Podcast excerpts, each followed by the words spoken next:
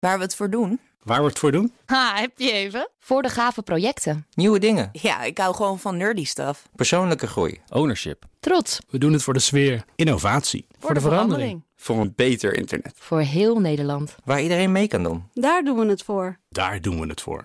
Waar doe jij het voor? Kom werken voor KPN en groei op jouw manier. Check de actuele vacatures op het gebied van data, security, development en networking op jobs.kpn.com/tech. BNR Digitaal wordt mede mogelijk gemaakt door SecureLink. SecureLink. Safely enabling business. BNR Nieuwsradio. BNR Digitaal. Herbert Blankenstein. Welkom bij BNR Digitaal. Deze zomer hoor je het beste van het afgelopen seizoen BNR Digitaal. Daarin hadden we het onder andere over VPN-verbindingen, Virtual Private Networks. Gemeengoed in de zakenwereld, maar particulieren die met VPN verbinden, dat zie je nog niet zo vaak gebeuren. Het initiatief Let's Connect wil daar verandering in brengen met hun open source VPN, die bijvoorbeeld door internet service providers kan worden aangeboden. Daar sprak ik over met de initiatiefnemer Rogier Spoor. Hij werkt bij Surf en ik vroeg hem hoe het kan dat ISP's dat soort verbindingen nog niet standaard aanbieden. Ja, dat verbaasde ons eigenlijk ook. En ja. dat was al een aantal jaar geleden dat we toevallig een interactiesessie hadden bij Exfrol. En toen zeiden we wat raar eigenlijk dat we het niet doen. En daar is het eigenlijk ontstaan van, goh, we moeten iets, iets, we moeten aan de slag gaan. En toen kwamen we erachter van, ja, het is vaak toch ook een kostenverhaal. Dure hardware of dure Maar waarom moet je aan de slag gaan? Want er bestaan er toch genoeg? Waarom ja, dat, is, dat is een heel goed punt. Uh, uh, maar zeg maar, als we, van, ik had zelf de wens dat het in open source voor iedereen beschikbaar zou komen. Dus niet alleen voor ICP's bedrijven. En bestond dat niet dan? Ja, jawel, maar dat, het, het schaalde niet goed. Dat was het grootste probleem eigenlijk. Aha. Ja, zoiets als OpenVPN, ja? wat wij uiteindelijk gebruiken, is gewoon open source. Het bekendste VPN-product, denk ik. Werkt ook en waar goed. zit het probleem dan in dat het niet schaalt? Uh, wat gaat er mis? Nou, voor tien gebruikers gaat het prima. Hè. Je kunt een configuratie ergens downloaden en, en, ja. en, en moet je een app importeren. Het zijn een aantal hobbels die een, een, een ja, niet-IT-gebruiker al ja, die gaat dat niet zo snel doen. Dus daar zagen we een probleem. En daarnaast het schalen is dat als je als groot bedrijf het doet en de, de, de service krijg je druk en je wil opschalen, dus meer service bijzetten, moet je eigenlijk alle gebruikers mailen van jongens, je moet opnieuw die configuratie gaan downloaden, je moet opnieuw door die hoepeltjes springen. En daarvan zeiden we, ja, dat, dat, dat werkt niet. Ja, ligt het ook aan de hoeveelheid dataverkeer? Want uh, ik heb dat zelf ook wel eens. Dan heb je een of andere proxy en dan uh, heeft hij een beperking aan hoeveel data je in een maand kan gebruiken. Uh, ja, dat speelt bij VPN natuurlijk ook. Hè. Je kunt, ja. Uh, ja, als jij aan de serverzijde iets gaat bouwen, moet je rekening houden met hoeveel gebruikers en ook hoeveel data er doorheen gepompt wordt. Vandaar dat je vaak li toch limieten ziet in. Uh, ja.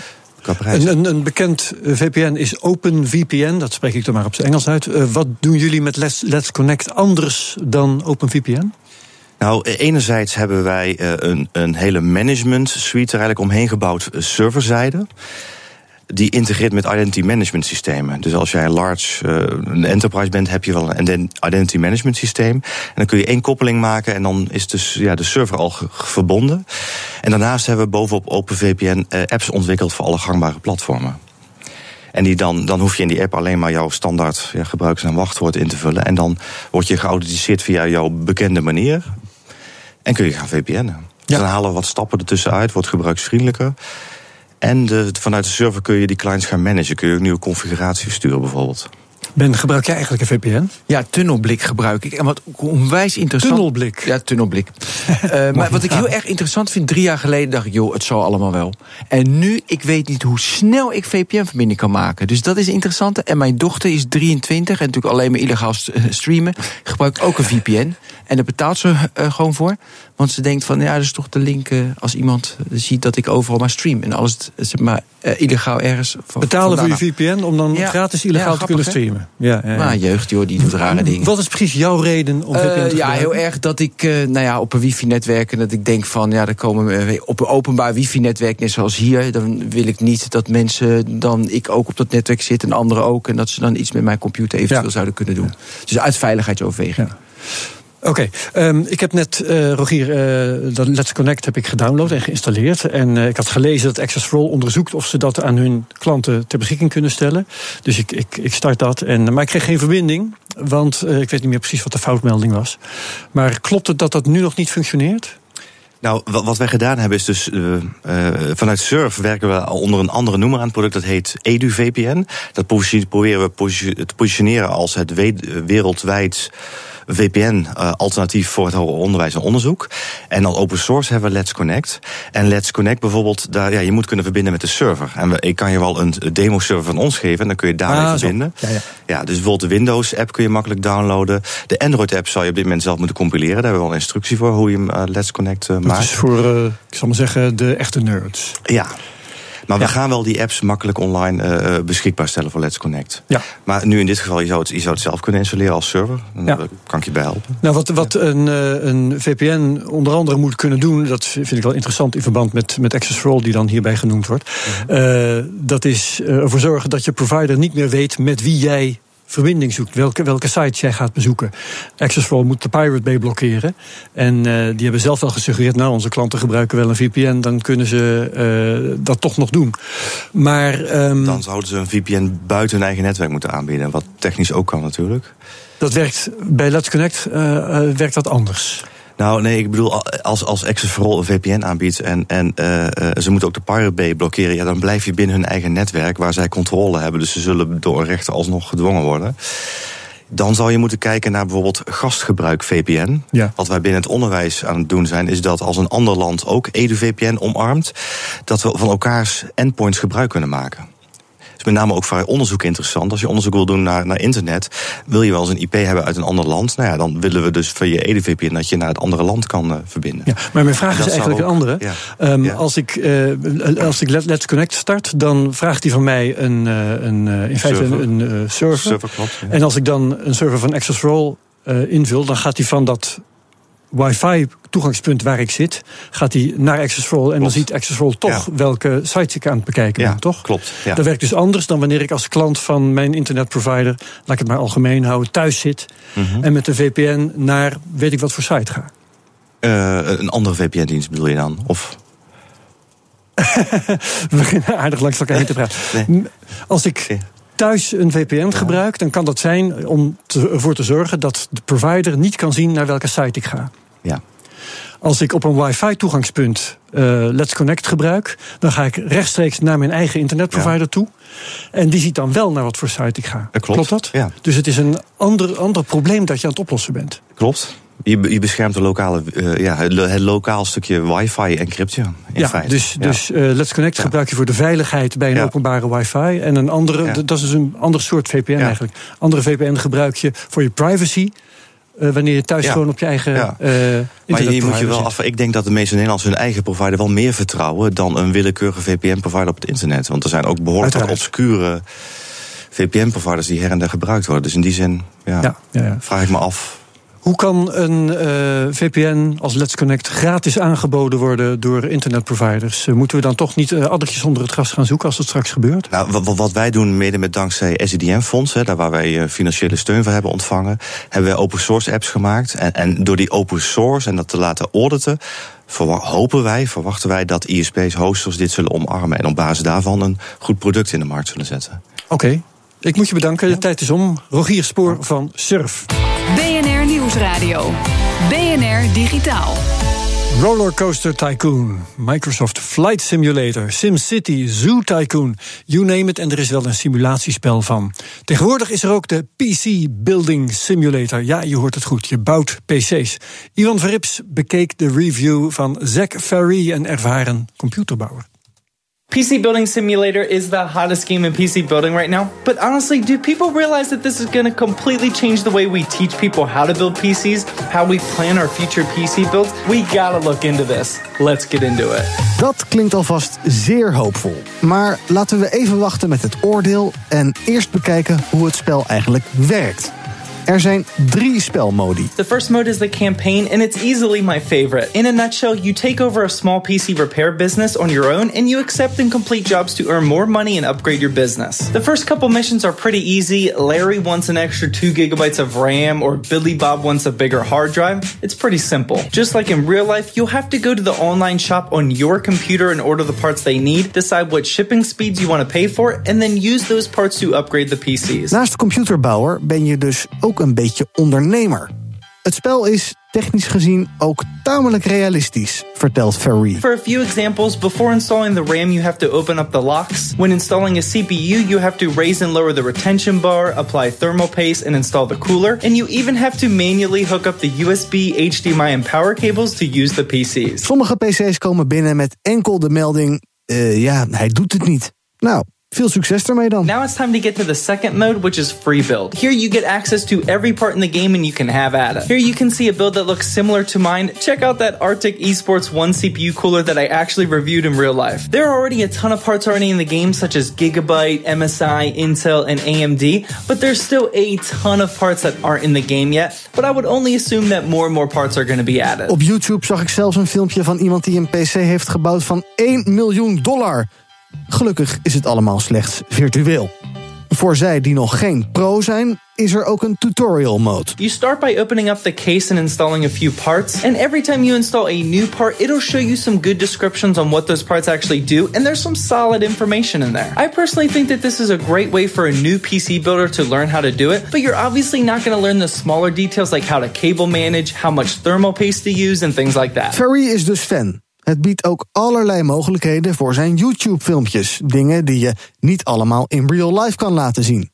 Hij heeft nog wel een paar verbetersuggesties voor het spel. First, water cooling is a must. I also want to see a used marketplace option in the campaign mode. Some other things I want to see are overclocking support, SSDs. I also want to be able to see all of my inventory on the shelf here. It's not that fun having to just scroll through the menus to find your parts, so it would be pretty cool to organize the shelf with CPUs, GPUs, hard drives, etc. That way you can visually see what you have and grab it from there. PC Building Simulator is voor 20 euro te koop op het gamingplatform Steam. En het belooft digitale pret voor regenachtige zondagmiddagen. Stel, je zou met de ogen van vandaag een iPhone van 11 jaar geleden unboxen, uitpakken. Wat je dan tegenkomt, dat hoor je zo. BNR Nieuwsradio. BNR Digitaal. Unboxing is al een paar jaar een leuke manier om nieuwe producten uit te pakken. Tien jaar geleden, toen de eerste iPhone uitkwam, was dat nog een stuk minder. Hoe zou je met de ogen van nu een iPhone van toen unboxen? Tech-vlogger Justine Ezarik deed het en Ivan Verrips bekeek haar video. This is the original first generation iPhone. This is the 8 gigabyte model. I got it on eBay and I don't even know if it's legit. But I'm pretty sure it is. I searched the serial number, the IMEI number, and everything seems to have checked out. It hasn't been activated. The serial number has never been registered with Apple. Fingers crossed. Because I am doing today an unboxing of the first generation iPhone. Justine vertelt dat ze jaren op eBay heeft gezocht naar een echte first generation iPhone. Dus niet een of andere neppert. Tijd om het plasticje van de doos te halen.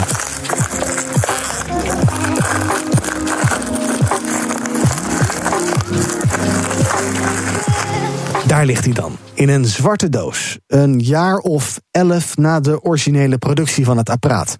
De iPhone. Toen nog zonder nummertje en een stuk dikker dan nu. Before we get into the phone, let's see what else is in the box. We've got a charging brick, a dock. I do not even remember this coming with a dock. That's crazy. Zat er een dock? Je weet wel, zo'n bureaustatiefje bij de originele iPhone? Blijkbaar. En er zat ook een soort schoonmaakdoekje bij. Wat een luxe! En een instructieboekje met zo'n 20 pagina's uitleg. So I guess this only leaves us with one more thing to do unwrap the phone and turn it on. It's charging. It's charging. There's a charging. If there's a there's a charge. Look, look, look, it's charging. Let's see if it'll turn on. what? You want me to connect it to iTunes? Okay. Well, if it wants me to connect it to iTunes, then that's what I'm gonna do. Op de Mac levert dat geen succes op. Opening up iTunes. iTunes cannot connect to the iPhone because an invalid response was received from the device. It's valid. Let me let, show me. Sh oh God, how am I going to even get this thing to work? Op Windows dan? Oh gosh. The real bottom line is the phone is legit. It looks brand new. It's never been activated before. It has completed setup. I I won't have to jailbreak it. Or will I have to jailbreak it? En ook dat werkt dus niet. If you guys have any suggestions for me, leave those in the comments below. As of this point, I have done absolutely zero research on how to get this to work. So I have a feeling that between your comments, my Google searches, and a little bit more investigation, we'll be able to get this thing up and running in no time. This is. No, that's not what I wanted to do. Yeah, do whatever you want. Ja, en uh, heb je een tip voor iJustine, uh, hoe ze haar iPhone aan de praat moet krijgen? Een linkje naar het iets wat hysterische filmpje waar je ook kunt reageren, die vind je op bnr.nl/slash digitaal. BNR Nieuwsradio. Herbert Blankenstein. Een Amerikaanse beveiligingsonderzoeker heeft vrij simpel een botnet gemaakt. door gebruik te maken van de mogelijkheden van advertentienetwerken. Zijn malafide JavaScript-code draaide binnen drie uur op 117.000 browsers. En daar had hij heel wat ellende mee kunnen aanrichten als hij dat had gewild. Over de risico's van uh, dit soort advertentienetwerken die we nog steeds lopen, ga ik praten met beveiligingsconsultant en ethisch hacker Simon Ruhoff. Welkom. Advertenties die malware serveren, uh, die verhalen kennen we wel. Maar het gaat vaak om malware die dan gebruik maakt van een lek en iets installeert. Maar deze onderzoeker die gebruikte een feature eigenlijk hè, van advertenties en niet een bug. Zijn advertentie is zelf de malware. Hoe erg is dat? Ja, dat is. Um, um, kijk, op het moment dat je zo'n advertentie wat JavaScript bevat, um, uh, daar, daar kan je misbruik van maken, dus kwartaardig inzetten. Uh, daar kan je bijvoorbeeld uh, alle bezoekers van jouw advertentie kan je dan naar een andere website sturen. Mm -hmm. En nou, als dat, al die bezoekers in één keer naar een andere website gaan, dan gaat, jou, gaat je website offline. Dus je kan het inzetten voor een, wat we noemen een, een DDoS-aanval, een Distributed ja. Denial of Service aanval. Um, maar je kan het ook inzetten door bijvoorbeeld uh, cryptocurrency te gaan minen. Cryptojacking uh, heet dat tegenwoordig. Ja. En, en Geld verdienen met uh, het traag maken van andermans computers. Ja, ja absoluut. afgelopen ja. jaar is daar een, een opkomst van te zien. Maar zijn dit soort dingen moeilijker te voorkomen als ze gebruik maken van iets wat gewoon hoort te kunnen? In plaats van, van een lek? Ja, kijk, kijk dit is het, het, het gebruik maken van, van ja, wat er binnen het framework van JavaScript mogelijk is. Ja. En uh, ja, kijk, advertentie. Netwerken die controleren advertenties niet zo goed. Er wordt een soort geautomatiseerde virusscan wel overheen gedaan om te kijken of ze geen rommel op hun netwerk uh, laten zien.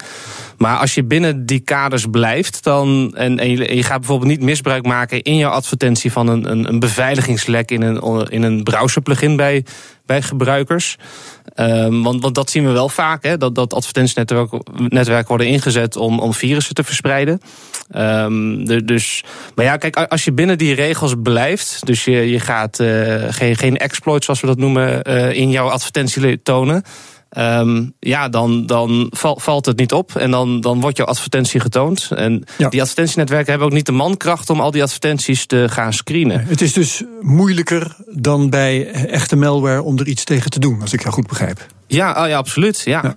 Want uh, ja, het, dit is ook een soort nieuw fenomeen. Hè? JavaScript gebaseerde botnets. Dus dat zijn botnets van, uh, van, van een groot aantal computers die onder beheer staan van een hacker.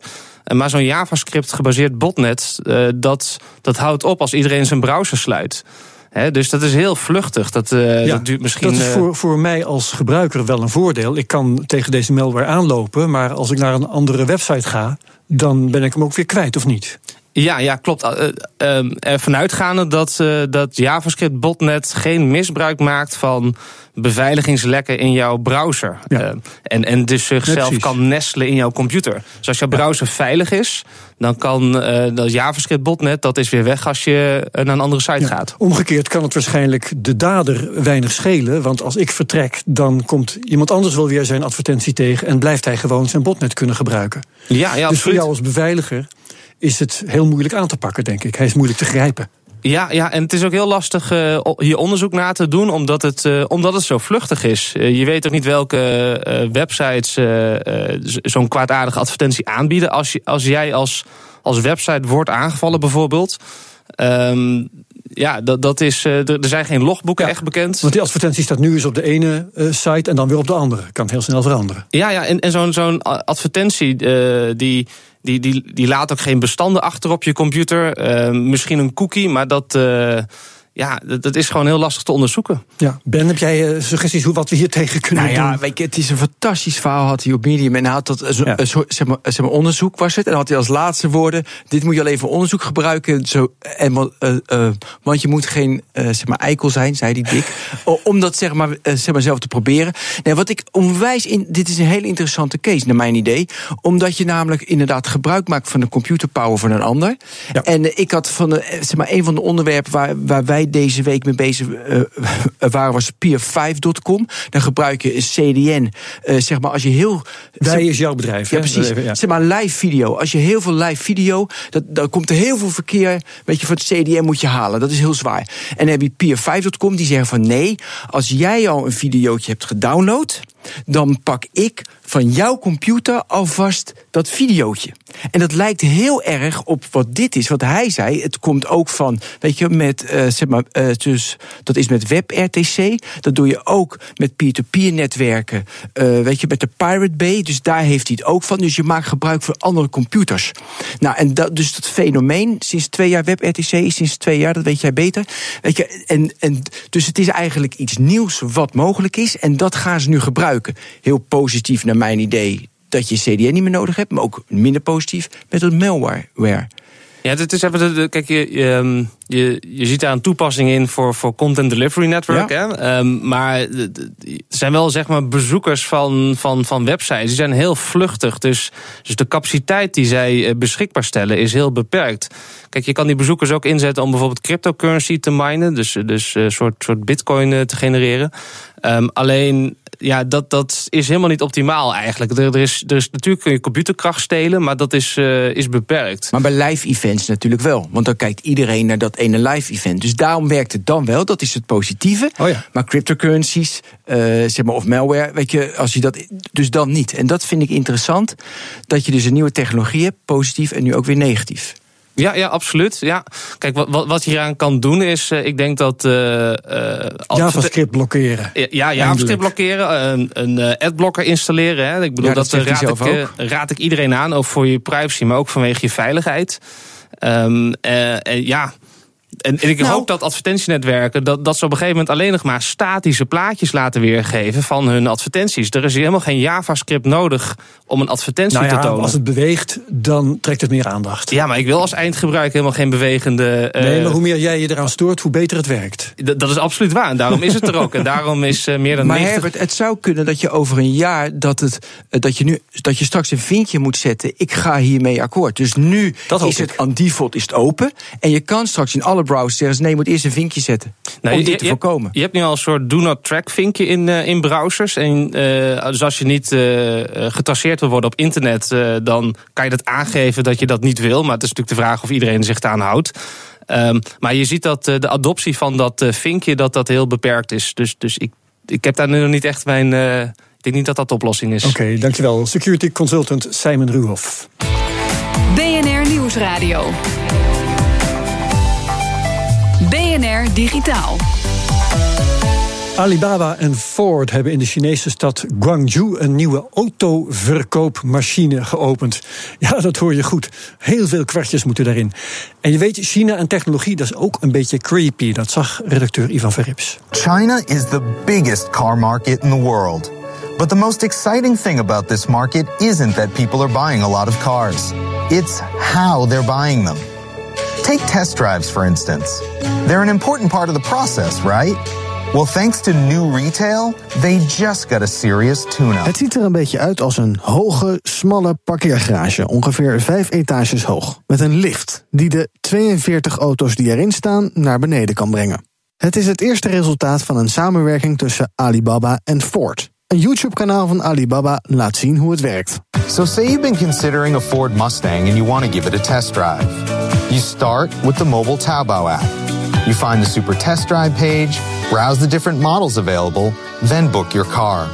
You also snap a selfie so Alibaba's facial recognition technology can confirm your booking when you get to the vending machine. Maar dan komt het. You can test drive each car for three days. And if you're a Taobao super member or have a Jima credit score above 700, you get your test drive for free. Mensen met een credit score hoger dan 700 bij Alibaba's dochter Ant Financial krijgen de testrit gratis. When you get to the test drive center, it's as easy as flashing a smile to find your booking. Then the machine locates the right car and brings it to you.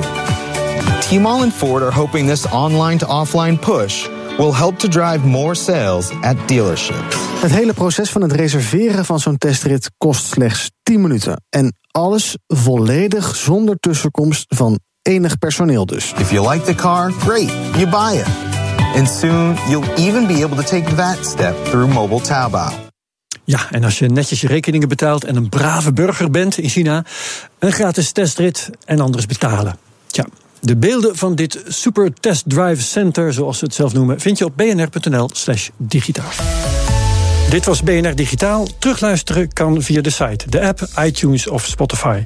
Volgende week een nieuwe zomereditie van BNR Digitaal. Heel graag, tot dan. BNR Digitaal wordt mede mogelijk gemaakt door SecureLink. SecureLink, safely enabling business. Ook Hugo Reitsma vind je in de BNR-app. Superhandig die BNR-app. Je kunt alle programma's live luisteren, breaking nieuwsmeldingen. Je blijft op de hoogte van het laatste zakelijke nieuws. En je vindt er alle BNR-podcasts, waaronder natuurlijk de belangrijkste, Boeken zijn in de wijk. Download nu de gratis BNR-app en blijf scherp.